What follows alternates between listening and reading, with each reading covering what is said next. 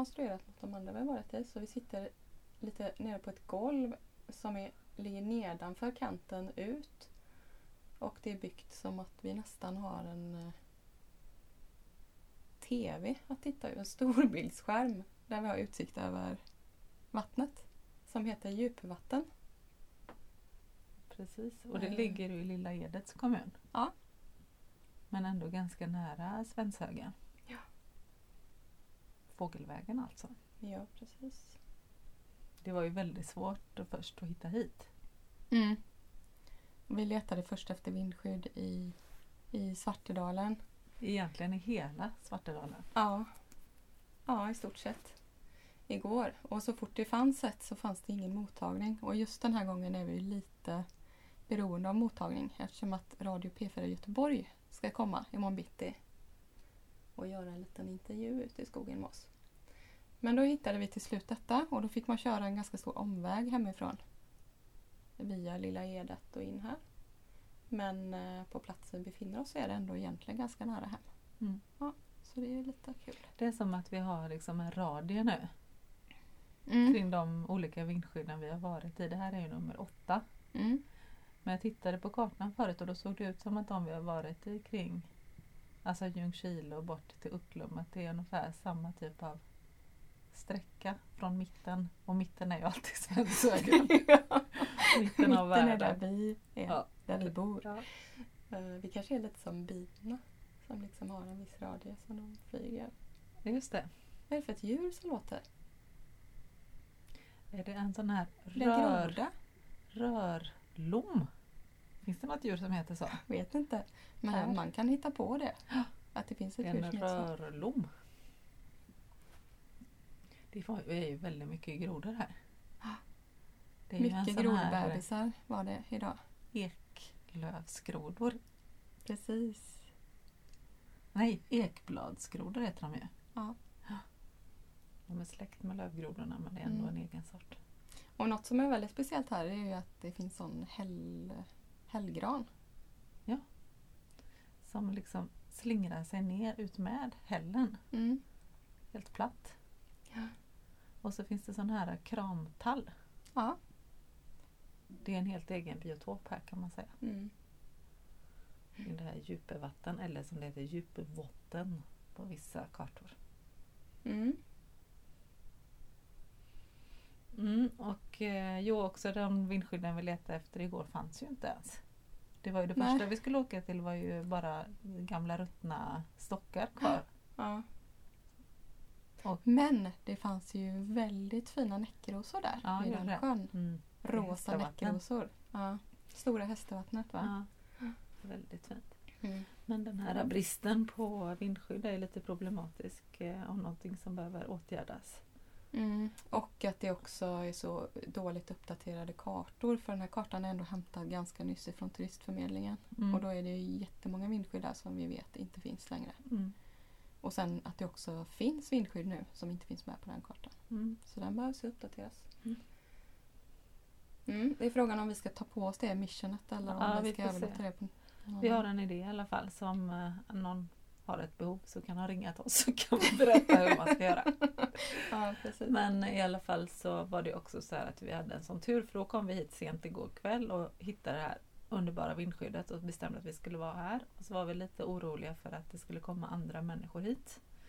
Och sen kom vi hit och så var det ledigt för att vi skulle vara här och det var, och då var vi jätteglada. Mm. Och sen ungefär 20 minuter senare så kom det några som Mm. hade tänkt även att det här.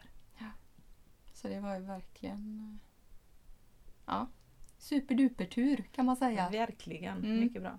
Mm. Ja, sen gick vi ju en upptäcktsfärd Mm. runt sjön. Det var ju då vi också upptäckte att det var sån, eh, sån eh, fin annorlunda biotop. Mm. Mm. Och då gick vi också lite in i temat. Mm. Och för temat idag är ju barn och den förspillda vreden. Just det. Och då började vi att bestämma att vi själva fick skapa den världen som vi var i. Mm. Och vi fick hitta på våra egna namn på saker. Ja men att det är Och så härligt att att, vi- vara i leken och att säga ja så här hela tiden till varandra. Att, Ja. eh, att bestämma vad saker är och vad de heter och vad de gör och vad som bor i den här sjön och sådär. Och att bara låta det flödet få pågå. Mm. Och vad stenarna tänker och Mm. Och det här med att de sjunker ner, för den är ju 16 meter djup den här sjön. Att nattetid så sjunker alla stenarna ner och sen byter de plats och kommer upp igen på morgonen. Mm. Och just i natt så var de ju lite för långsamma. De hade väl varit uppe ur vattnet i natt. Och så Ja. var de lite för långsamma ner innan solen gick upp. För när solen går upp så stelnar ju allting till. Alltså stenarna och bergen. Då stannar de ju i det läget de är. Därför så är det väldigt mycket som är frilagt liksom. Som egentligen skulle ligga till vattnet men som, som är ovan vatten. Just det. Så det var väldigt fint att gå runt och titta på hur eh, vattnet har slipat ur en massa fina mönster i. Mm. Det är som att det finns nästan ett språk, eh, dolda tecken och sådär i stenarna. Mm. Väldigt häftigt. Sen finns det mycket tecken i det här vindskyddet. Det är många som har varit här förut och ristat in olika budskap. Mm. Viktiga saker Viktiga saker. på olika språk och så. så att, eh, ja, vi är bara en här i den här eh, linjen av resande i, den här, i det här vindskyddet. Ligger ju på Bohusleden. I etapp 10, i slutet av etapp 10. Just det. Kan rekommenderas. Mm. Solnedgång över sjön och nu är det såna här älvor som dansar där ute. Det är ju helt otroligt stilla idag. Ja, det är det. Det är verkligen helt... nästan så att man får anstränga sig för att se något som rör sig. Mm. Jag ser röken från myggspiralen rör sig lite. Och den grankvisten där rör sig lite här, lite, lite gung upp och ner. Annars är det ju otroligt stilla. Ja. Och solen har precis gått ner bakom trädtopparna. Ja, och snart kommer den gå upp igen Mm. bakom dem där bakom oss. Men om vi ska inleda temat så kan man ju inleda med ett av de här klottrorna som stod här i Mm. på tyska. Som vi lät översätta. Inte det som det står nulla. Inte det som det står nulla, nej. Men det var ett på tyska som vi lät översätta. Och eh, det, det står då alltså att dagens ungdom bryr sig inte om saker eller människor. Var det så ja. det stod? Ja, jag tror det. Mm. Det var lite Det är tåligt att tänkas på. Ja, men också Vad betyder det? dagens ungdom. Det är ju något sånt där ständigt återkommande också. Det, det är något sådär. Det var bättre förr. Dagens Ja. ungdom kan man inte riktigt Nej. lita på. Samtidigt så får jag känslan av att de har skrivit det lite med glimten i ögat i och med att de själva har klottrat när de Mm. har skrivit det. Är det de gamla som har skrivit det eller de unga som har skrivit det? Jag vet inte. Jag vet inte. Nej. De skrev det på tyska i alla fall. Mm. Ja, alltså det finns ju så himla många olika saker att börja med man ska hålla på eh, och grotta in sig i detta. Mm. Men... Eh, ja men Mm. vart ska vi börja? Jag... jag eh, Ja, men när vi bestämde temat ja. på det där första samtalet vi hade för över ett år sedan. Mm. Då var det väl lite att vi hamnade i den här känslan av att vara barn och lite maktlös i olika situationer. Och den vreden som väcks då eller som man kanske inte ens kunde identifiera som vrede när man Mm. var barn. Mm. Eh, att det kanske var lite där vi startade men sen pratade vi om det från lite olika perspektiv så vi får väl, jag vet Mm. inte vart vi startar. Och även detta med att nu vara en förälder till barn Precis. och den vreden som det kan skapa ibland. Men, nej, men jag har jättestarka minnen från eh, att vara ett barn och att känna sig maktlös. Och då var det, eh, alltså maktlös, det låter så stort men det här att inte inte ha lov att ha åsikter eller att kunna påverka sitt eget liv. Jag ville ju väldigt tidigt bli stor. Mm.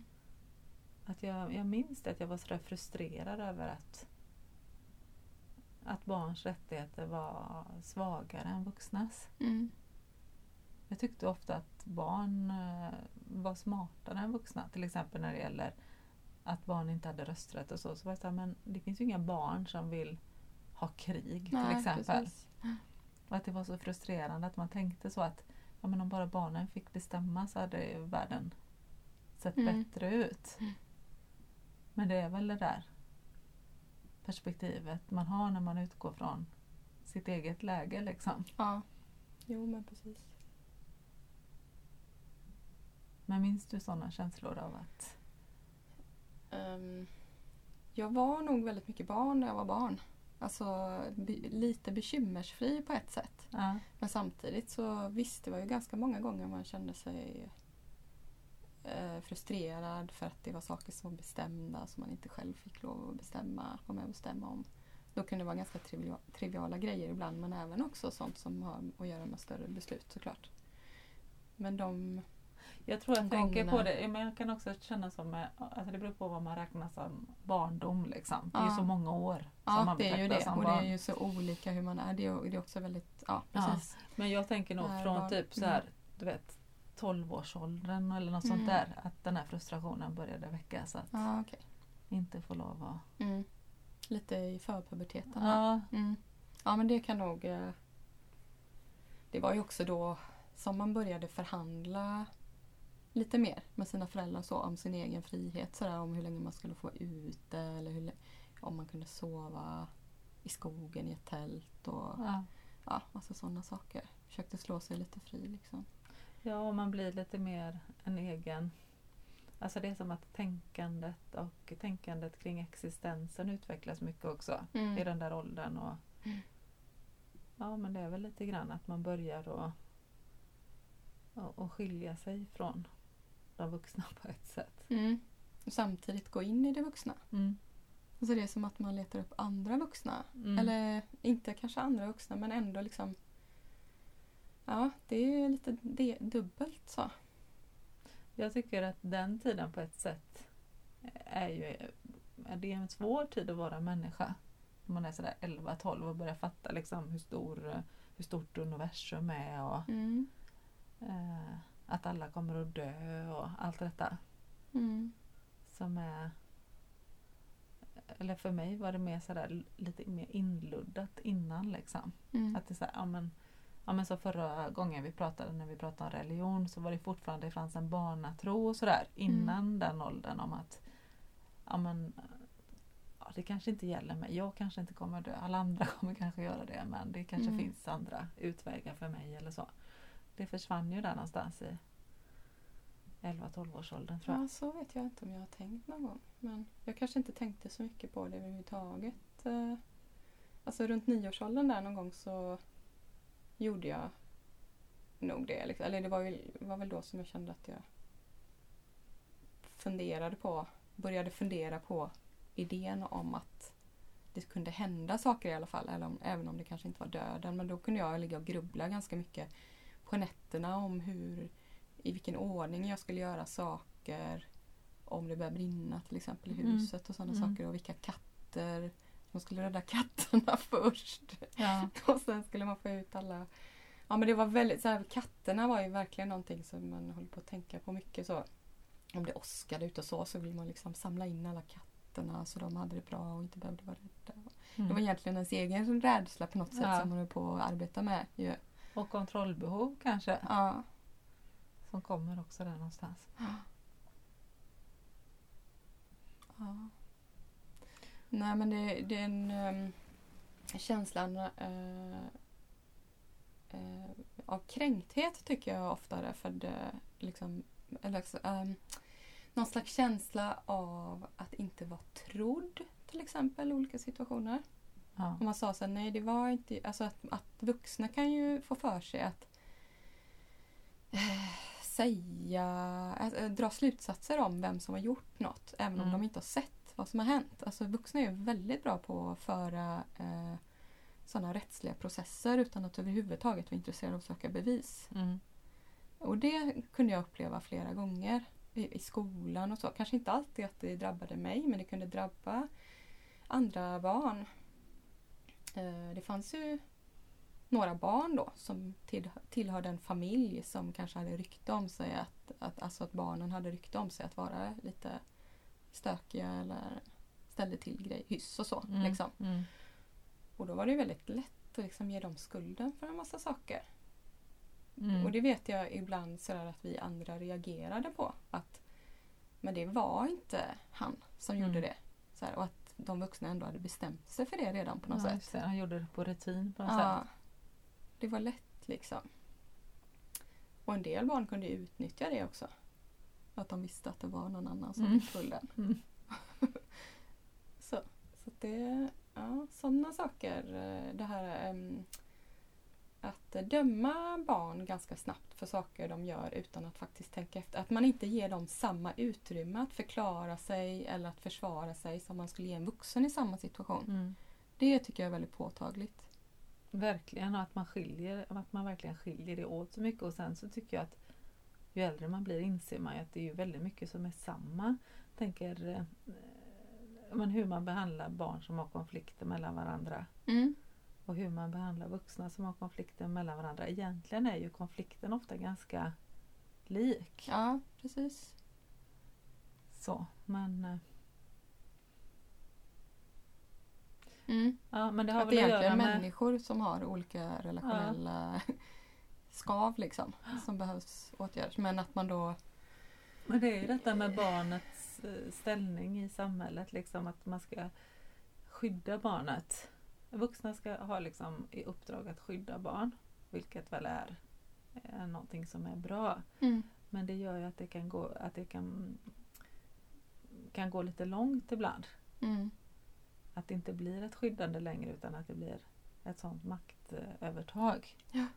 Och att viljan att skydda ett barn kan i sin tur resultera i att man kränker ett annat. Ja.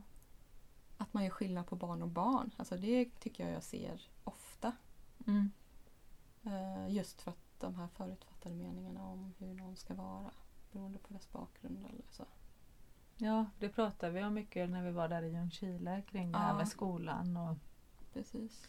Med klass. Ja, och, Ja, nej men och sen är det väl den här viljan av att inte ha heller för höga förväntningar att barn ska behöva ha åsikter om allt eller kunna allt från början eller sådär. Som, som gör att ibland kanske man till och med glömmer att fråga. Gud vad roligt, jag sitter och tittar ut där nu. Mm. Så på den där stora stenen där ute så liksom Är det Astrid Lindgren? Ja. jag skojar bara. så krälar det en jättestor padda över den så att man ser siluetten Ja, en padda där. Titta! Den vill vara med. Det är lite, men det här är ju mer Elsa Beskow, är Ja, det det? är det faktiskt. Det är verkligen Elsa Beskow nu. Fast live. Eller. John Bauer. Men Elsa Beskow, du vet de här svarta silhuetterna där? Ja. Undrar om den vet vart den är på väg. ja. Och varför den är på väg. Mm.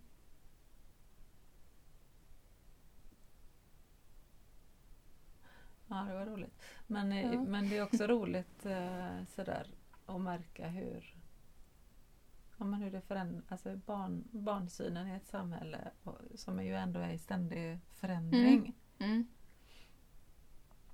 Verkligen. Ja men nu ganska nyligen har det ju röstats igenom att barnkonventionen ska bli lag Ja. i Sverige. Eh, Så får man hoppas att det håller i sig fram till att det blir lag. Men eh, det är ju väldigt positivt för det kommer ju resultera i att, eh,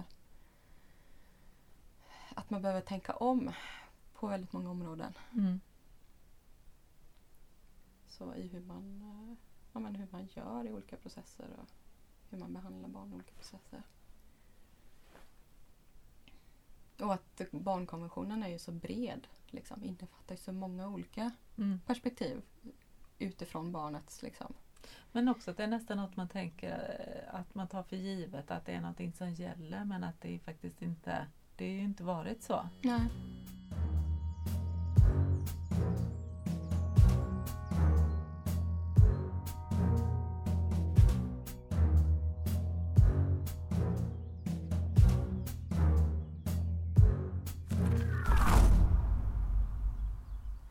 Men det finns en eh, forskare som heter John Wall som, eh, som har skrivit om childism.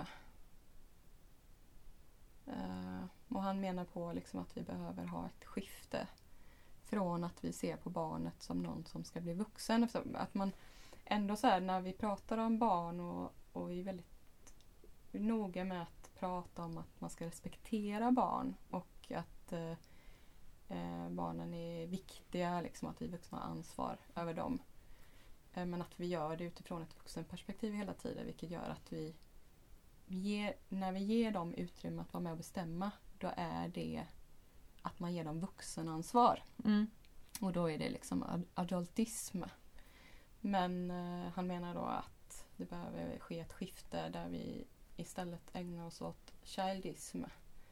Att vi liksom försöker se det så som det känns för barnet. Att man utgår från hur en upplevelse eller hur en situation känns för barnet och så tar beslut utifrån det istället för att man ger barnet liksom, eh, tillgång till vuxenvärlden så, ger man, så ska de vuxna eh, ge sig in i och tänka på hur det känns från deras perspektiv. Då.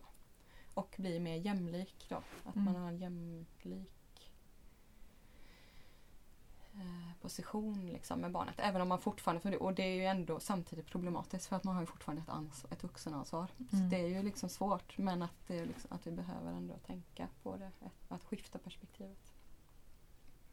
Jag tror ju att eh, man skulle behöva ha barn med i flera processer i samhällsutvecklingen. Absolut. riktigt. Ja, absolut. Eh, och det har jag ju märkt nu när jag har jobbat med ett projekt med ungdomar också som, eh, som har jobbat med, med eh, samhällsutveckling. Då. Att det är väldigt många vuxna tjänstemän och politiker som är väldigt ovana Ja. vid att möta barn och att ställa eh, vettiga frågor. Liksom. Ja, och att ja. vara nyfikna. Så att, att det finns, och jag för, blev lite förvånad för jag har ju liksom alltid jobbat med barn och ungdomskultur. Mm. Och då är det en sån här självklarhet att vara i dialog för att sen kunna skapa berättelser eller konst som handlar om det som är intressant för då- den Mm. publiken. Då. Precis. Så jag var lite eh, faktiskt chockad ibland nästan över de här tjänstemännen som där det blev sådana krockar. Och Mm. sen fanns det ju andra som bara där det kändes som att ja, men äntligen så får vi ha riktiga möten. Ja. Så, men, men det är ju samma sak där att det är lätt då att man hamnar i de här strukturerna som vuxenvärlden har skapat. Och så tänker man bara på medinflytande som typ barn och ungdomsfullmäktige eller så. Mm. Alltså, men där skulle barnen kunna komma in. Men då använder man ju exakt samma strukturer som Mm. vuxenfullmäktige. Och det är inte alltid Nej. så att det passar så himla bra. Nej. Nej men också att, eh, att, varf, att barn, alltså att man hela tiden gör den här avskillnaden mellan barn och vuxen. För tanken med att bli jämlika det är också att man kan vara med och besluta om, alltså att barn kan väl besluta om saker som har med vuxna att göra. Alltså, Ja. för det blir bara att de blir engagerade i frågor som rör precis dem istället för att tänka här, det här är en fråga som berör alla i samhället. Mm. Eh, då behöver vi ha människor från alla delar i samhället Ja men som det är är med som och, att och prata pratar om, om det. jämställdhet som att, eh, att kvinnor ska bara ha åsikter om saker som rör kvinnor. Ja precis, och vad är då det Ja. liksom? Ja. Och det är samma sak när vi pratar om barn. Mm, Och där ja, tycker jag, där, där kan man ju känna liksom att vreden börjar växa lite grann. Man börjar tänka på det, Ja. hur vi liksom grupperar människor sådär. Ja. Ja, och speciellt i ålders... Eh, Mm. Och också eftersom Men barndomar- stadieteorier och så är Mm. ganska starka ändå inom många områden. Mm. Liksom. Och det är väl det som också ligger till grund för att man...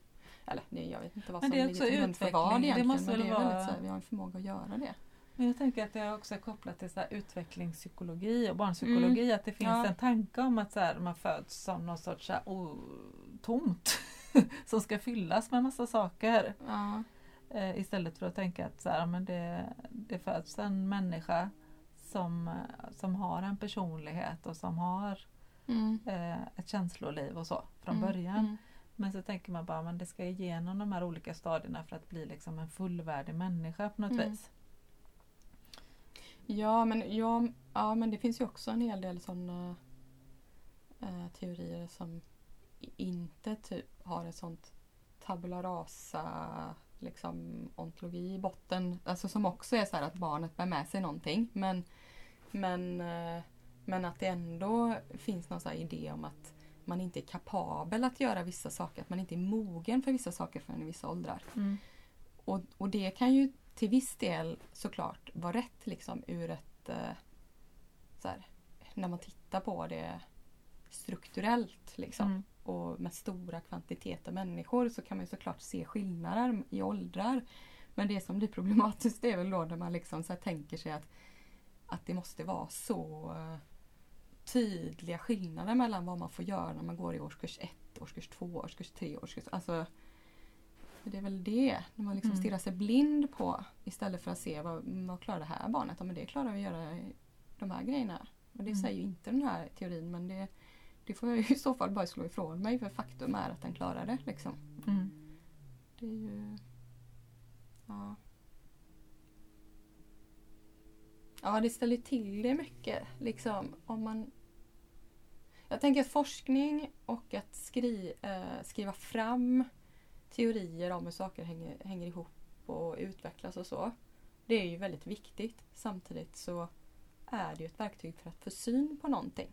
Men man kan inte alltid använda det som ett verktyg som går att applicera direkt in i praktiken. Utan Man måste ju liksom hitta den överbryggningen och förstå att det finns variabler. Liksom. Det är väl det. Mm. Ja, men du pratade lite förut idag. Vi började prata så mycket förut. Vi var ju så helt uppdämda på något sätt. Mm. Eh, då pratade du lite om om eh, när ungdomar liksom blir sådär osäkra och bara frågar lite för mycket om vad de får och inte får göra. Mm, och hur det man- blir problematiskt. Ja, just det. Ifall, eh, ifall, ifall man är van vid att vara väldigt styrd av vuxna och Mm. vuxnas bekräftelse och sådär. Att det, att det kan skapa en osäkerhet kring eh, att, men att våga så här, ta självständiga beslut och så. Mm. Var det, ja, var det det du tänkte på? Ja, det var det. kring... eh, och då kan det eh, plötsligt vara små saker liksom, som man tycker Mm. kan bli eh, o, liksom orimligt att, att fråga om. Liksom, Mm. och så. Men det har väl att göra med det där med eh, skolans uppfostran och förväntningarna på eh, barn och vuxna. Mm. Vem som får göra vad, när och allt sånt där. Mm. Nej, men, och det kommer jag ihåg jag var jättefrustrerad över det när jag gick i skolan också. Att så här, det var så tydligt där i och med att det var ens arbetsplats att vara i skolan. Och det var också lärarnas arbetsplats. Men att man hade så extremt olika regler kring sin arbetsmiljö och Mm. vad man fick göra när man hade rast och sådana saker. Ja. Där tror jag att det fortfarande liksom, finns ganska mycket arbete kvar att göra. Att, Mm. att se på skolan som barn och ungdomars arbetsmiljö. Mm. För det gör man ju Mm. inte riktigt. Alla nej, gånger. Nej, eller ja, alltså, ja, det är väl ganska tydligt framskrivet att det är så. Men samtidigt så är det väl inte riktigt så som man agerar i alla situationer kanske i skolan. Nej. Ja, men just med beslut och så som vi pratade om förut så är det ju ganska vanligt med liksom någon slags skendemokrati tycker jag. Ja. Så här, att barn får vara med och bestämma om saker som egentligen ändå inte är så, så viktiga. Alltså, eh, ja, men ska vi skriva, skriva regler för hur vi ska ha det i klassrummet då är det ju ändå redan underförstått att de reglerna är vi ska vara snälla mot varandra, vi ska eh, inte förstöra saker, vi ska inte... Och det står ju redan. Det är mer en pedagogisk handling då att vara med Ja, och det är ju bestämma mer det. som att man låtsas att de är med och bestämmer det för att eh, de ska komma ihåg det. Mm. Istället för att säga, säga ja men det här står det, detta är något vi ska förhålla sig till. Det är Mm. ingenting vi kan bestämma här. Mm. För enligt Sveriges lag och enligt eh, eh, skolans läroplan så är det så vi ska ha det här. Mm. Liksom. Och då blir det så märkligt att, liksom, tycker jag då i alla fall, arbeta med det på det sättet. Då är det bättre att ta det till en annan nivå. Så hur ska vi göra för att leva upp till de här grejerna som faktiskt är bestämt att så här ska vi ha det i samhället? För det blir ju också märkligt att ge någon slags eh, ja, men det blir lite så ge sken av att detta är något ni har bestämt. Mm. Som att det var något ni kan bestämma. Ni skulle också kunna bestämma att alla ska vara dumma mot varandra då, eller? Nej, precis. Eller så. Det blir ju väldigt märkligt tycker jag. Ja, och ofta tycker jag när det handlar om så här medbestämmande i skolan så han, liksom, för så har det varit mycket när jag har varit ute och gjort intervjuer med barn och så kring olika föreställningar och så också att det handlar nästan till slut alltid om skolmaten. Mm. Alltså det är som att det är där, där har alla någon åsikt liksom Ja. kring skolmaten. Och samtidigt så är det så här det går liksom inte att påverka så mycket för att det Nej. handlar om några ören hit och dit och eh, att det finns massa andra då regler såklart kring näringslära och allt möjligt sånt där. Men det blir en sån här kritisk punkt alltid Ja. att komma till. Ja. Skolmaten. Eh, eh, men, men sen när jag pratar med ungdomar nu eh, så är det ju så här, de vill ju veta mer. Ja, men vad kan vi faktiskt påverka på riktigt? Mm. För det blir en sån frustration i det här skendemokratin. ja, precis. Ja. Att det blir, ja men alltså för vems skull ska jag ens uttrycka min åsikt? Och Mm. dessutom, vem blir jag när jag uttrycker min åsikt? Mm. Gentemot den här vuxna som har den här maktpositionen. Mm. Ganska ofta blir ju barnen också ja, men i skolan eller i olika andra sammanhang där barn befinner sig sedda på som en grupp istället för individer. Mm. Även om vi har väldigt individualiserat nu med undervisning och man ska se varje elev och så. Så är det ju ändå samtidigt så att barn, de förväntas vara så här. Den här gruppen av 19 personer, säg en klass, förväntas vara i det här rummet samtidigt. Exakt den här tiden. Exakt, alltså man liksom tvingar in dem att förflyttas i en flock så här hela Mm. tiden. Mm. Och det är också väldigt vanligt, det brukar jag prata mycket med våra studenter om. Så här, vad viktigt det är att välja orden. Om man till exempel är ute efter eh, barn och ungas åsikt i en viss fråga eller sådär. Bara att skillnaden i att fråga vad tycker ni? Eller är det någon, om er, någon av er som tänker något om detta? Mm. För då, alltså, skillnaden i att säga vad tycker ni eller är det någon av er som tänker något om detta. Det är ju att jag förväntar mig inte att ni är en klump som tycker typ någonting Mm. allihopa. Och om jag ställer frågan som att jag är faktiskt intresserad av vilken person som helst här inne den, och deras svar Mm. så blir det skillnad i. Och liksom sen är det också skillnad om man ställer frågan så här. Om man har ett problem som man diskuterar. Är det någon som vet hur man kan lösa det här problemet här Ja. inne? Ja, För det blir också så här, för man kan ju diskutera så här, men vi har det här problemet, jag tycker så, jag tycker så. mm, Men sen nästa steg, hur ja, tycker ni man ska lösa det? Och det kan ju vara så här, att planera ett bostadsområde eller vad som helst. Mm. Eh, Mm. Där, där det är ju intressant att veta ifall det är något barn eller någon pensionär eller vad det nu är som vet Ja. hur man faktiskt, de kanske vet. ja, precis. Och, det, och då är det liksom eh, samhället till gagn eller skolan till gagn eller Mm. familjen till gagn ifall den åsikten också eh, får utrymme på något sätt. Mm. Eller den, den, den lösningen på Mm. problemet. Så. Men det här med skolan har vi pratat om ganska mycket också förut men eh, liksom något som väcker min vrede väldigt mycket det är ju Ja men det är ju igen liksom det här med makt, eh, vuxnas makt över barn och barn som far illa på olika sätt. Mm, Och eh, också den maktlösheten man kan känna som vuxen inför det när man ser eh, barn som far illa på olika sätt. När Mm. man inte riktigt vet hur eh, det problemet ska lösas. Liksom. Mm. Och det, det, är ju, det är ju så otroligt eh, svårt tycker jag. mm, Liksom oavsett om det handlar om eh, barn som blir sexuellt utnyttjade i eh, ja, i världen eller i Mm. Sverige eller på nätet eller sådär. Eh, när man känner liksom att ja, det enda man kan göra om man ser någonting det är ju att anmäla det. Men så den här frustrationen att inte veta om det leder vidare till något och sådär. Mm. Eh, Eftersom barnen är i sån eh, beroendeställning ju till sina föräldrar. Ja, precis. Men det känns ju som om det är en sån där eh, frustration som det inte liksom finns något slut på. Att det är en sån förspilld vrede verkligen. Kring barn som, den att, att, ba- att man utnyttjar barn på olika sätt. Ja, ja. Och det tycker jag, mm, det, det, mm, det, där hamnar man ju lätt i att bara känna sig totalt uppgiven. Man börjar tänka på hur det ser ut i världen för barn liksom. Mm. Hur det handlas med dem nästan som Ja, varor. Och, eller inte nästan, utan det gör ju det. Och, hur många, jag vet att det finns en sån, eh, är det Unesco kanske som har tagit fram en sån karta på eh, barnens världskarta eller någonting. Mm. Och då är det vilka, de, de enda länderna som syns är de länderna där barnaga är förbjudet eller något sånt.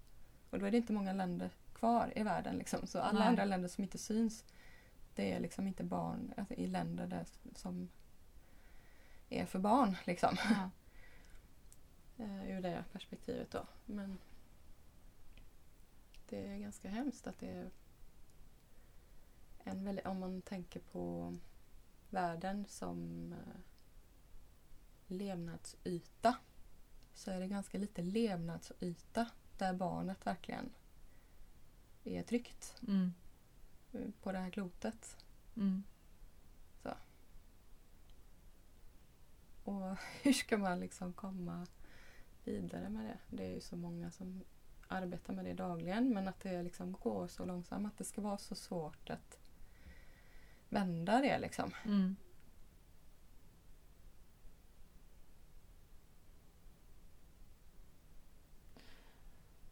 Verkligen. Men tror du att det blir bättre då? Ja, det tror jag. Jag tror att det blir bättre. Eller det blir det ju på många sätt. Det går ju framåt. Ja, Det finns ju massa tecken på det. Så, och liksom att, ja, men bara detta att barnkonventionen, FNs barnkonvention blir lag i land efter land och eh, att det fokuseras ganska mycket på barn och eh, flickors rättigheter i olika eh, länder där de är extra utsatta. Mm. Liksom. Det läggs ganska mycket energi på det men samtidigt så är det så otroligt mycket kvar. Så, så det, Mm. ja, det hamnar ju lätt i en uppgivenhet kring det. Liksom. Men eh, Men jag tänker att det måste ändå finnas ganska mycket eh, eh, vrede här som har lett till den här förändringen ändå. mm, Alltså olika personer som har varit intresserade av barnperspektiv genom tiderna som har lyckats liksom att eh, ja, men förändra synen på Mm. barnet och så. ja, verkligen. Och många som har påverkat, alltså som har jobbat vid ganska, egentligen ganska så mindre begränsade områden i världen men som ändå har påverkat många länder att det spritt sig liksom till exempel som olika pedagogiker eller olika filosofier eller sådär. Mm. Som sprider sig och också, också sprider sig över tid. Liksom att man än idag pratar om deras idéer om barnet och barnets kapacitet och barnets perspektiv och, och så. Det är, ju, det är ju positivt liksom att det, att det mm, lever, att saker en gör även om de känns små och begränsade. Eh, kan känna, det kan ju kännas väldigt så här praktik, alltså som när man är lärare eller när man jobbar som till exempel som du har gjort inom teatern med barn och ungdomskultur. Eh, eller när jag jobbar som konstpedagog i Uddevalla. Eh, så eh, kan man ju ibland när man är mitt i det känna som att det är ju väldigt eh, centrerat till bara den lilla klicken om man tänker så här hur ska detta kunna påverka? Men samtidigt så är det ju så att även de här, det som händer i det lilla får ju också verkningar på det Mm. stora Mm. ofta. Mm. Och också hur vi väljer att bemöta barn i de sammanhangen gör ju också någonting för hur de i sin tur kommer bemöta andra människor. Mm.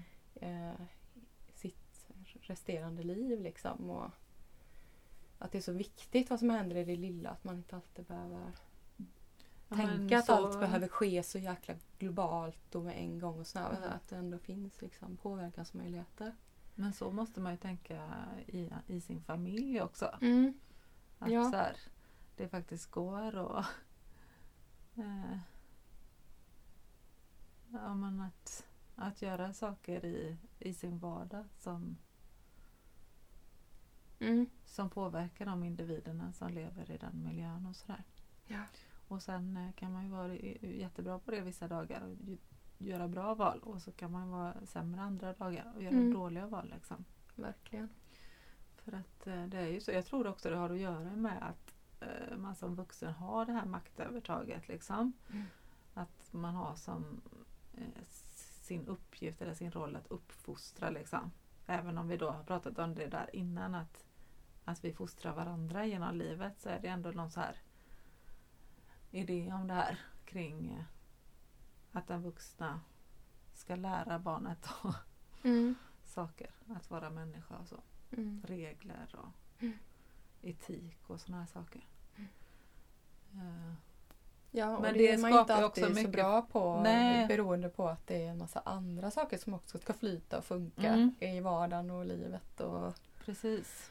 Och egna eh, saker i sin egen utveckling som Mm. påverkar också hur man ju är som människa. Liksom. mm, precis.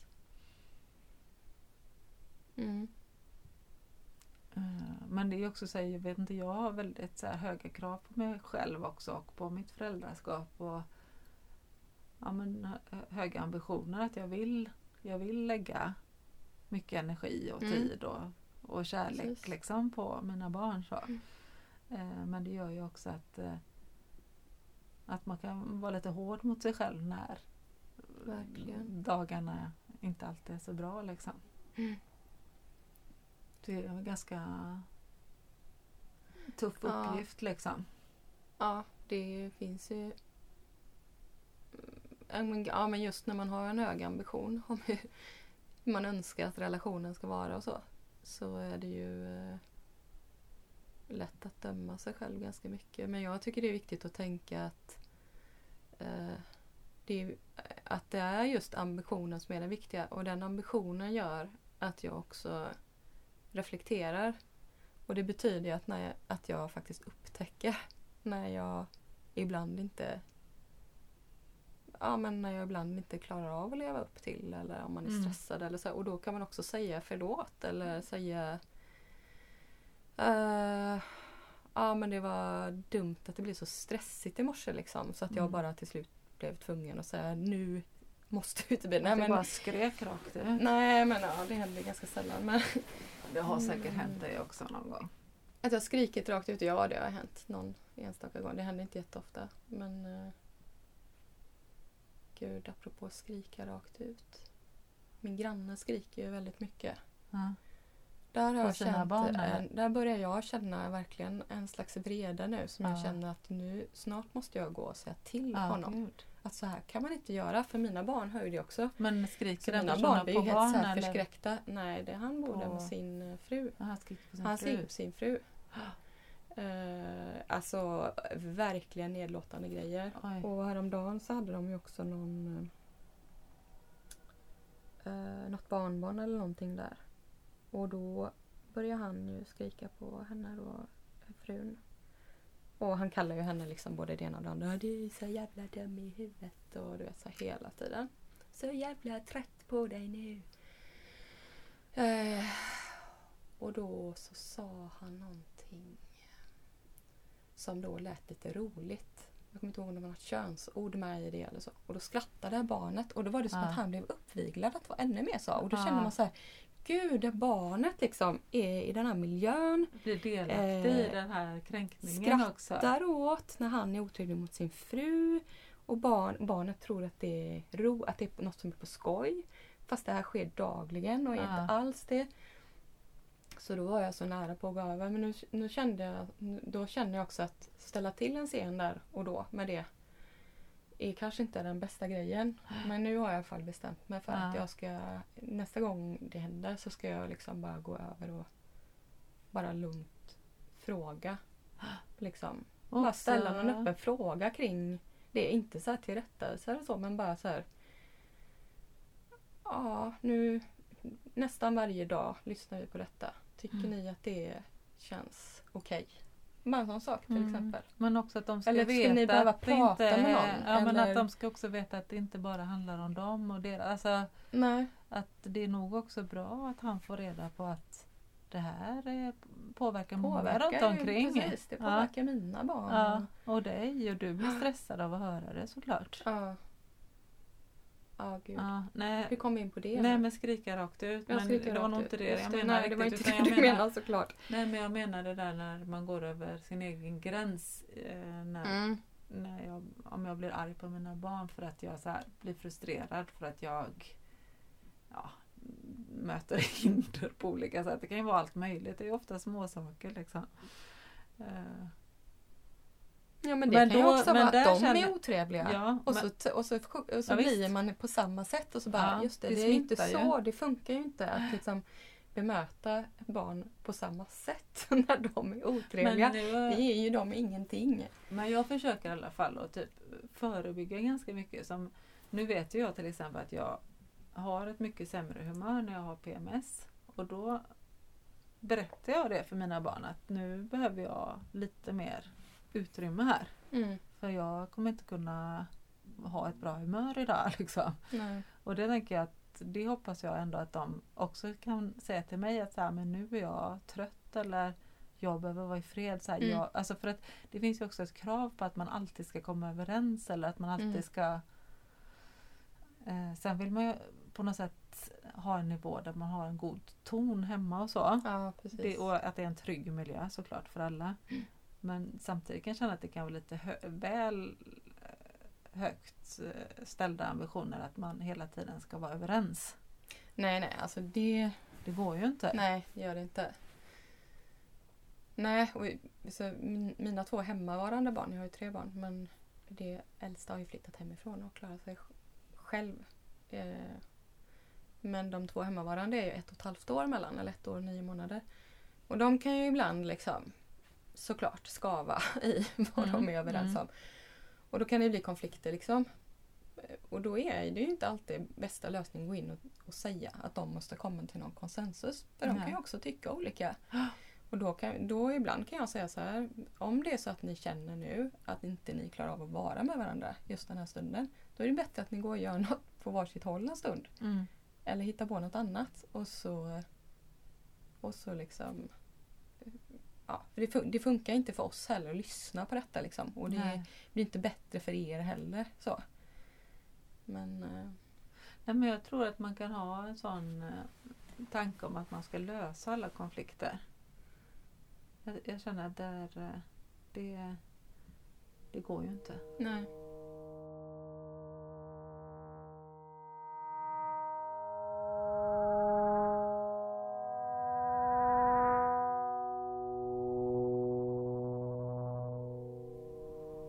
Tycker du att barn har för mycket liksom, makt på något område i samhället? Nej. Eh, det kan jag nog inte komma på något område. Däremot så kan jag tycka att barn ibland lämnas för mycket till att eh, i vissa situationer ehm, lösa saker Alltså där den stark, de starkaste barnen tar makten. Som på skolgården eller sådana saker. Att det, att det släpps för... Alltså, ehm, att barn lämnas för mycket eh, till att skapa sina egna så här, makthierarkier Mm. mellan sig. Att det, att det är viktigare att gripa in där egentligen som vuxen.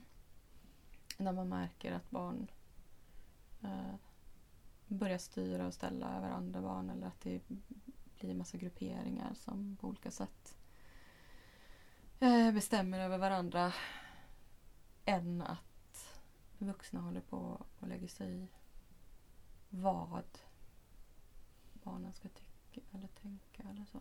Alltså det är svårt att sätta fingret på. Ja, men penalism men, egentligen, jag men, ja, men precis. För barn Det- kan ju också hålla på att utveckla en massa. För det är ju det som är problemet med att hela, prat, hela tiden prata om det som barn eller vuxna. Ja. Eh, För vi är människor.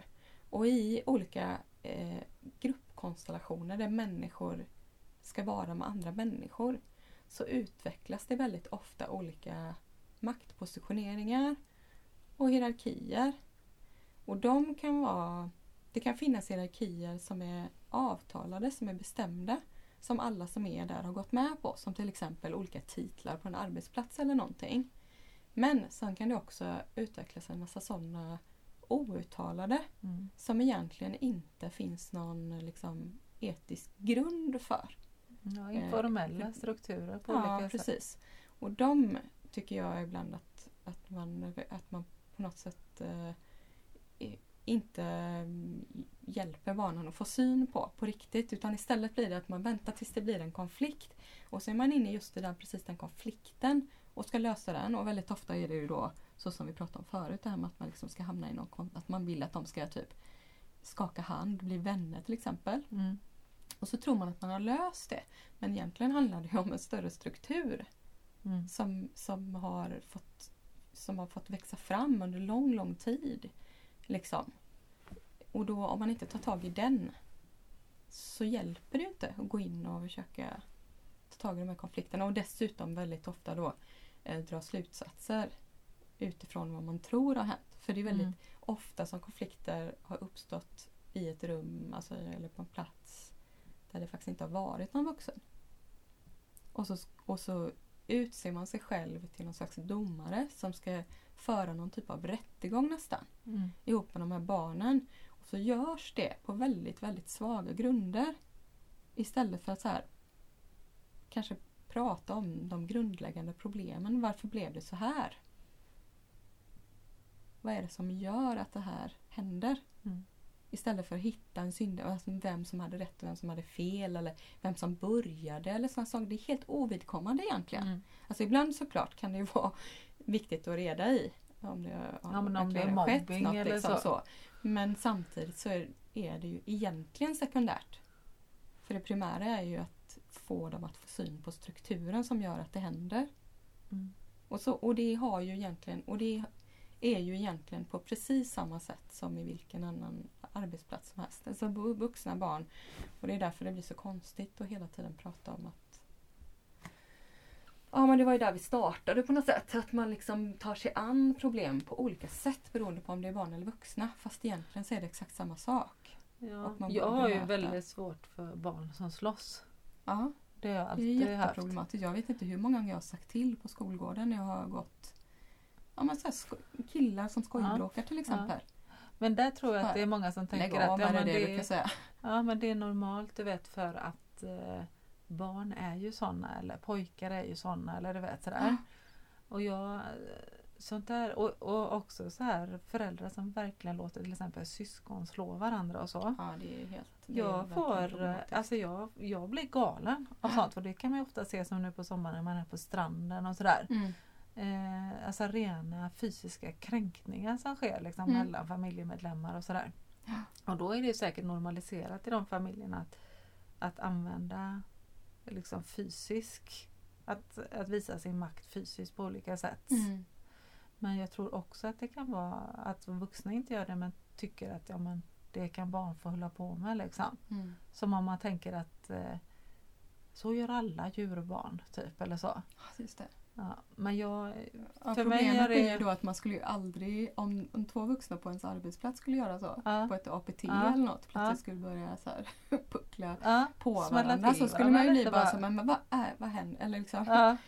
Men det är ju att man bemöter det helt olika och då blir ju barn väldigt utsatta. Om vuxna inte säger att det är inte okej att knuffa omkull honom i sanden där hela tiden. Och, ja, och sen är det ju mycket vanligare då att det är ett äldre syskon som ger sig på ett yngre Ja, syskon och då är det ju redan, alltså då vet man ju redan vem som kommer att vinna liksom. mm. Sen kan det ju också vara så att, att det yngre syskonet eller att äldre syskonet också alltid får skulden. Yes, Fast det och kan yng- vara det yngre som liksom Mm. provocerar igång grejer. Så, men där, där, det blev jag ju jätteförbannad på. Där känner jag att det är så här nolltolerans liksom på Ja. den typen av övergrepp som det ju faktiskt är. Ja, nej, det är ja. ja. Jag blir rent förvånad ibland på, alltså, ja men just som du säger, som på stranden eller i, i mataffären och sånt liksom. Ja. Så. Och jag tänker ändå att aga också, eh, nu pratar vi om så här, syskon som slåss, men aga har ju varit förbjudet enligt lag i Sverige tror jag sedan typ 1976 eller 77 eller något sånt där. Mm. Ja, är det så pass länge? Ja, det är det kanske. Mm, Ja men ungefär, ungefär så länge sedan vi har levt. Liksom. Och ändå så, så märker man ju att det fortfarande existerar och att det är ganska vanligt. Ja, Med så vuxna som tar barn i öronen Mm. eller gud. Uff, jag drar dem i armarna eller liksom. Ja, Och det där är också så väldigt svårt. Eh, där, där skulle alla vuxna som inte tycker att det är okej behöva ingripa snabbt hela tiden mm. och bara säga stopp. Det var det faktiskt några som gjorde på... Jag gick över Drottningtorget när jag var väg, på väg från jobbet en dag. Eh, Då var det en förälder som liksom höll sitt barn så väldigt hårt i handen och man såg att det liksom Att det gjorde ont. att det gjorde ont och barnet var ganska ledset då och de verkade liksom ja, haft någon typ av dispyt liksom. Och då var det faktiskt en som eh, gick fram Ja. så precis när jag kom så kom den här andra personen fram och liksom eh, så, här, så där gör man inte. Ja. Släpp handen. Typ Ja. så. Vad hände då? Och det är väl, nej men hon blev väldigt, hon, eh, den här mamman blev väldigt eh, förvånad tror jag. Ja. Att bli tillsagd ens. Och sen så slutade hon ju då men hon blev ju också Alltså man fick ju också uppfattning om att hon blev ganska kränkt av att bli tillsagd. Och det är ju också att, Men det är också det här problemet med att man kan ju utan vidare säga till barn när de gör fel. Men när Mm. vuxna gör fel så är, tar det ju, så är det ju, så, gör man, så ingriper ju inte vuxna lika ofta. Nej. Exakt. Ja, det är sorgligt. Och sen tycker jag att ja, men, det är lätt att se det som en självklarhet nästan i Sverige att vi inte får slå våra barn. Men jag menar, de skulle ju ha en omröstning i England nyss om detta. Och där, där det helt röstades ner, man inte vill ta bort barnaga. Nej. För hur ska man då få barnen att lyda? Ja, just det. Mm. Åh, gud. Nej, men det är, om det har blivit en sån utpräglad uppfostringsmetod då kan det kanske vara svårt att få och liksom bara hitta andra metoder för det. Ja. För att man har ju på något sätt redan förstört man har ju redan förflyttat gränsen så långt Ja. för barnet med Ja. vad som liksom och för sig själv. För Mm. vad som är okej och hur mycket konsekvenser man kan få av någonting. Eller Mm. det, är ju- det är svårt att... Eller om man på något sätt så här, Det är så normalt för en då så att man tror att det verkligen är lösningen. Fast egentligen är det ju rädslan som barnet känner som är då. Alltså, och, och, och det är Mm. också... Man kan ju få barn att vara väldigt rädd för en även om man inte slår dem. Så det, Ja. finns ju, alltså det finns ju också... eh, Det är ju ett problem att jobba med rädsla Mm. när man vill komma... Eh, när man vill få människor att eh, bli bra medmänniskor eller bra vuxna eller barn att bli bra vuxna eller hur man nu vill uttrycka det. För att jobba med rädslor är alltid problematiskt. Mm. Och det är samma sak som en ledare mot sitt folk eller vad Mm, det än är, mm. vilken annan maktrelation så eller en chef mot sin arbetsgrupp. Att jobba med de andra personernas rädsla att bli utsatt för någonting om man inte sköter sig eller inte. Och när det dessutom kanske är lite lynnigt sådär att man inte vet riktigt vart reglerna är för när det händer att man kan bli straffad för någonting. Så Mm. Det är ju jätteproblematiskt. Så oavsett om man slår sitt barn eller inte, så bara att jobba med rädsla. Så det finns ju de som hotar med så här, pappan till exempel. Alltså mamma, mammor som hotar med passa. Om ni inte fixar det så ska jag säga till pappa. Så, och då är pappan någon som man ska vara rädd för då. Eller då kommer pappan och, och det kan ju vara så att eh, barnen växer upp hela sin uppväxt. Eh, och pappan har kanske aldrig rört dem överhuvudtaget. Eh, han kanske inte är så närvarande eller, eller så. Men men att det hotet finns. Ja. Att man alltid lever Ja. det hotet. Så det är ju det som är problemet egentligen. Egentligen är det kanske inte ja, men att jobba med hot. För att få Mm. människor till det man vill. Mm. Det är det som är problematiskt. Även om slag såklart är problematiska. Eh, Men det kan också vara problematiskt utan slag menar Ja, verkligen. Mm. Ja, men det är extremt komplicerat ju. Det här med kontroll och rädsla. Och det är ju egentligen också mycket samma kring, kring det här vi pratar om med djur och Mm. eh, ja, alla de här eh, hierarkiska ordningarna som vi inrättar oss efter. Mm. Och ju, som vi ständigt reproducerar. ja, på olika sätt hela tiden. Mm. Och då är det så här Då är det väldigt härligt och också så här eh, släppa det och så gå loss på att använda så sin fantasi istället så som vi lekte när vi lekte här förut. Mm. Att bara så här tänka helt, helt fritt ibland Mm. från hierarkier. Mm. Det tycker jag man ska öva sig mera på. Mm. Ja, och skita i vad Carl von Linné döpte de olika Ah, ja. Vi, vi Det, är ju inte, det är inte relevant för oss eh, när vi går och tittar här Nej. på naturen. Men eh, jag undrar om det börjar bli dags för chokladbanan. Mm. Det skulle kunna vara så. Tycker I vi att vi har eh, pratat färdigt? Eller det behöver vi inte. Elsa men- landskapet. Ah, nu, är det, nu har det ju också gått från... Det var ju ändå fortfarande färger ute när vi startade. Nu är det ju en svartvit bild vi ser på våran tv-skärm här. Mm. Och man ser inte heller längre linjen mellan land och vatten. Utan det har liksom suddats ut av ett dis. Det är väldigt vackert. Jag började tänka på det här du vet när vi pratade någon gång om att vi skulle samla in alla kvinnors vrede i en burk. Mm. Eh, Och så skulle vi liksom rikta den. Ja, alla kvinnors födsloskrik Alla det. födsloskrik, men det var ju även kopplat Ja. till, till, till Ja, vrede. Ja, precis. och födsloskriken. Ja. Men nu börjar jag fantisera om hur det skulle låta om man samlade in alla vreden, från, all- alltså all frustration från alla barn. Ja, Den, den. den är nog nästan gällare. Ja, du vet, det Liksom. skulle vara otroligt liksom, skarpt tror jag. Ja, väldigt skarpt. Det skulle inte vara finnas en vuxen i världen mer som skulle liksom Nej. våga. Men eh, jobbar barnen med de vuxnas rädsla då? De använder rädslan som maktmedel då? Ja, eller skuld kanske. Skuld, ja skuld. Mm. Det kan de faktiskt göra tycker jag. Mm. Det har de all rätt att göra. Ja. Det finns ju så, de har ju så mycket till godo. Verkligen. Mm.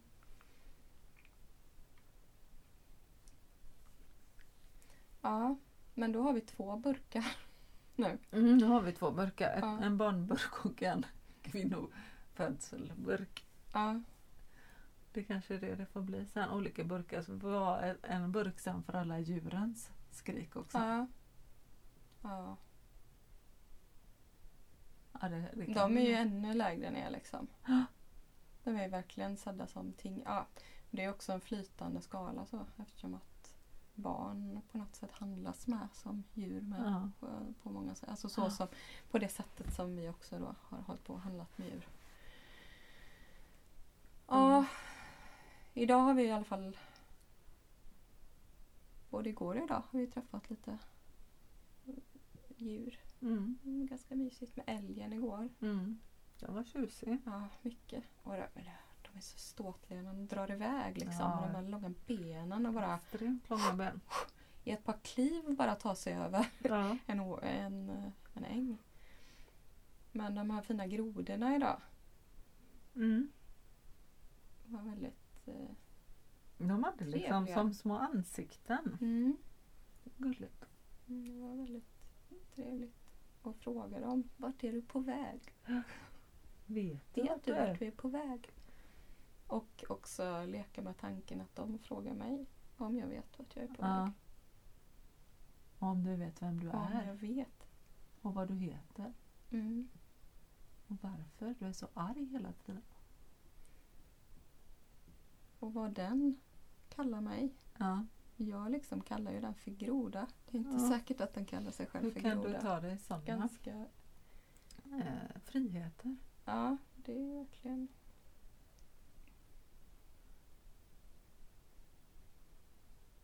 Nej, nu tycker jag vi lyssnar på den här stillheten en stund. Så otrolig skillnad mot förra gången när vi Mm. var i bastun. Det blåste. Nu är det ungefär lika tyst i det här vindskyddet som det var inne i bastun. Mm.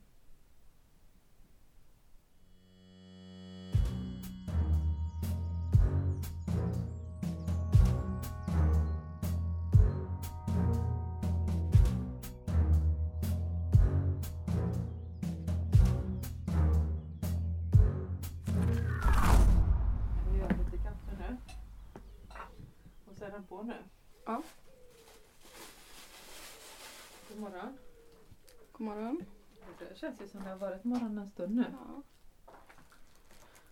Har du sovit bra? Mm, jag har sovit ganska bra. Kort men bra. Kort Mm. men intensivt. Mm. Kort och hårt. Ja. men det var väldigt skönt med morgondopp. Ja. Det var först lite ju. Lite, lite läskigt den här sjön för den Mm. blir ju så djup med en gång så allt är bara som ett svart hål. Men eh, det får man ju övervinna. Plus att det sam, sam ut en orm precis innan oss. Mm. Den tyckte kanske också att det var läskigt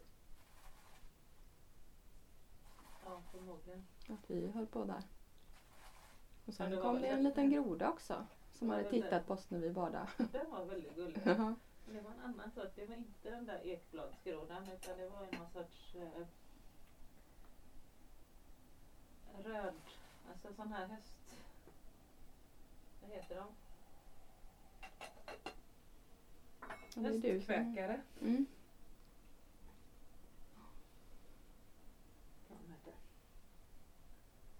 Sen pratade jag en stund med ett tallbarn Ja just det, gjorde Mm. du. mm. Eh, nej, som behövde luta sig lite mot mitt lår och bara bli klappad en stund. ja, Sen gick det bra. det var bara så. Vi träffade ju ett träd där borta igår som höll på att dö. Det här som hade tappat barken på halva, Mm. halva sidan. Och som inte riktigt hade kontakt med marken mer än med vissa. Mm. Men den hade ju ett kontakt med ett barn. Ja. Längst ut på en av de tjockaste rötterna så stod ett barn.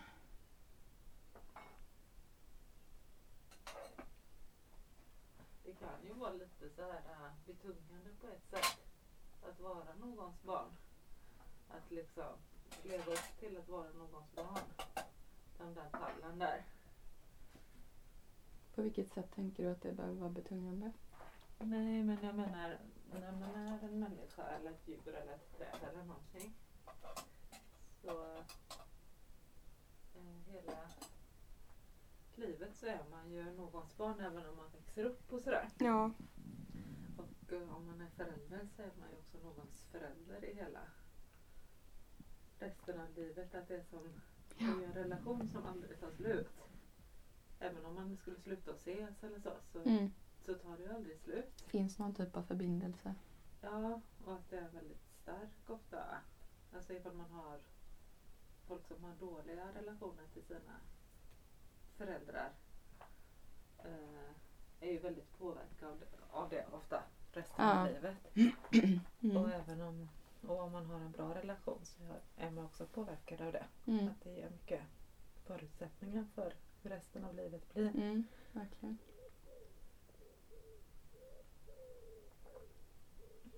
Ja, det är väl därför som man blir så arg också när man tänker på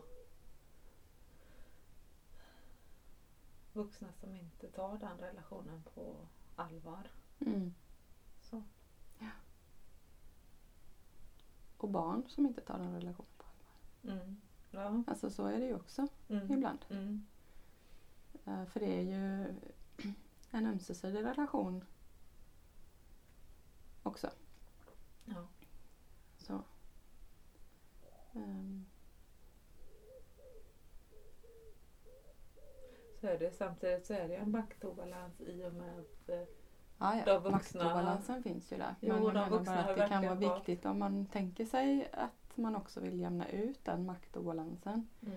Då bygger ju det väldigt mycket på att också barnen lär sig eh, eh, att, det finns en ömses- att det ska finnas en ömsesidighet. Mm. För det finns ju också ehm, förutom att man har ett maktövertag så har man ju också ett ansvar liksom. Och det ansvaret kan ju också leda till att barnet tycker att den vuxna har en massa skyldigheter mot Mm. den. Man Bara för att den har Bara den sett är- till att barnet finns eller Ja, hand om barnet. Eller, ja. Så att det gäller ju också att eh, i det arbetet att försöka hitta en, en, liksom, en relation som bygger på något mer jämlikt. Mm. Så, och det är väl, tycker jag, någonting som händer också när barnet blir vuxet. Precis där. När man ska hitta den här jämlika relationen, när man plötsligt är vuxna båda två. Mm. Så går det ju inte att fortsätta och bete sig som om det är liksom Ja, och det är från båda håll liksom. Att förstå att man fort, inte vet, längre har och, samma... För samtidigt kan jag känna att jag fortfarande har ju andra förväntningar på mina föräldrar mot vad jag har på andra eh, som jag har relationer med. Mm. Ja, okej.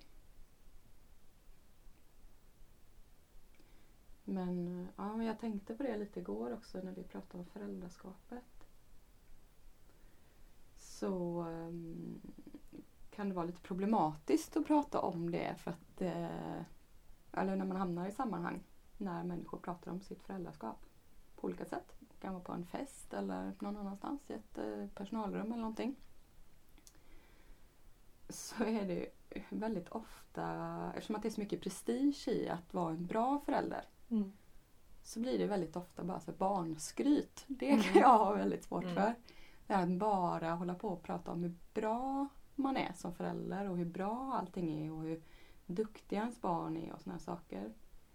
Um, gör ju att man på något sätt snävar in utrymmet för alla andra vuxna i det rummet att eh, kunna ha misslyckats eller så. Jag tänker att det Mm. kan inte vara oproblematiskt i någon enda familj Fast någon jag tycker gång. inte liksom. att vi pratade om det så. Nej det tycker inte jag att vi gjorde men jag nej, kommer att tänka ja, på att ja. jag tycker att det Jo. händer ofta. Men det finns ju, man, man pratar ju inte om Nej. de hemskaste stunderna. Det Nej. händer ju saker ibland i familjer. Man blir arga på varandra. Någon smäller en dörr. Någon kallar mig för jävla Ja, kärring. Det händer inte så ofta. Men det har ju hänt. Ja men någon gång. eller också att man känner att man inte räcker till. Att man önskar Ja. liksom att man eh, kunde ha gjort något annorlunda eller gjort något mer. Eller Precis. jaha nu var jag kanske lite för egoistisk i den här situationen Mm. och inte gav mer av min tid eller min energi eller vad det nu är. Liksom. Mm. Och det, det där tycker jag att man håller på och skaver med hela tiden när man är förälder. Att så här, Ja. Skulle jag ha gjort annorlunda eller sådär. Mm. Och samtidigt så jag tänker också att de flesta föräldrar gör väl så gott som de kan. Mm. De flesta, de flesta har ju ändå en vilja tror jag. Ja. Att göra så bra som det går. Mm, det är det jag menar. Men Ja. jag tror också att det finns väldigt lite utrymme att prata om när det, är, Ja. när det inte går som det ska. Ja. Alltså för, för de allra flesta. Det är inte så många sammanhang där det finns utrymme att prata om det. Eh, och där det också kan vara så här att någon bejakar det och säger ja det kan verkligen vara svårt att hinna med och komma iväg. Mm. Eller jag tycker att det är väldigt mycket moraliserande kring föräldrarollen och eh, att det förväntas vara perfekt hela tiden. Precis som att inte det också är som vilken relation som helst. Ja. Alltså det är ju ett sånt, eh, det finns ju ett väldigt starkt fördömande. Och jag känner ju också själv att jag kan, eller jag menar när vi pratar om det, att Mm. man själv hamnar i det att man fördömer folk som inte eh, gör det som man tänker att man förväntar sig som en förälder liksom. Mm. Men, eh, men det är precis som igår så pratade vi om hur, ja, men det var inte när vi spelade in utan utanför, hur man ser på människor som till exempel har ett alkoholmissbruk och sådär. Mm. Att det kan vara väldigt lätt att hamna i att, jag menar, att man inte vill att de personerna ens ska få liksom vara synliga Ja, i samhället och så. Och det Det tycker jag bara är så konstigt och sorgligt därför att det är också så himla vanligt till exempel med alkoholism eller andra eh, eller människor som, som vi pratar om med föräldrar som blir för arga eller vad det nu är liksom. Mm. Att inte bara gömma det liksom. Nej. Nu ska vi se om hon kommer här den här radiokvinnan. Ja, jag tror att, eller hon skulle kolla efter när vi har skickat eh, att hon ska hitta den där skylten och det låter som Men det hon kommer är här nu, jag hör bilen. Mm. Perfekt. Då kanske vi ska stänga av inspelningen. Lite spännande.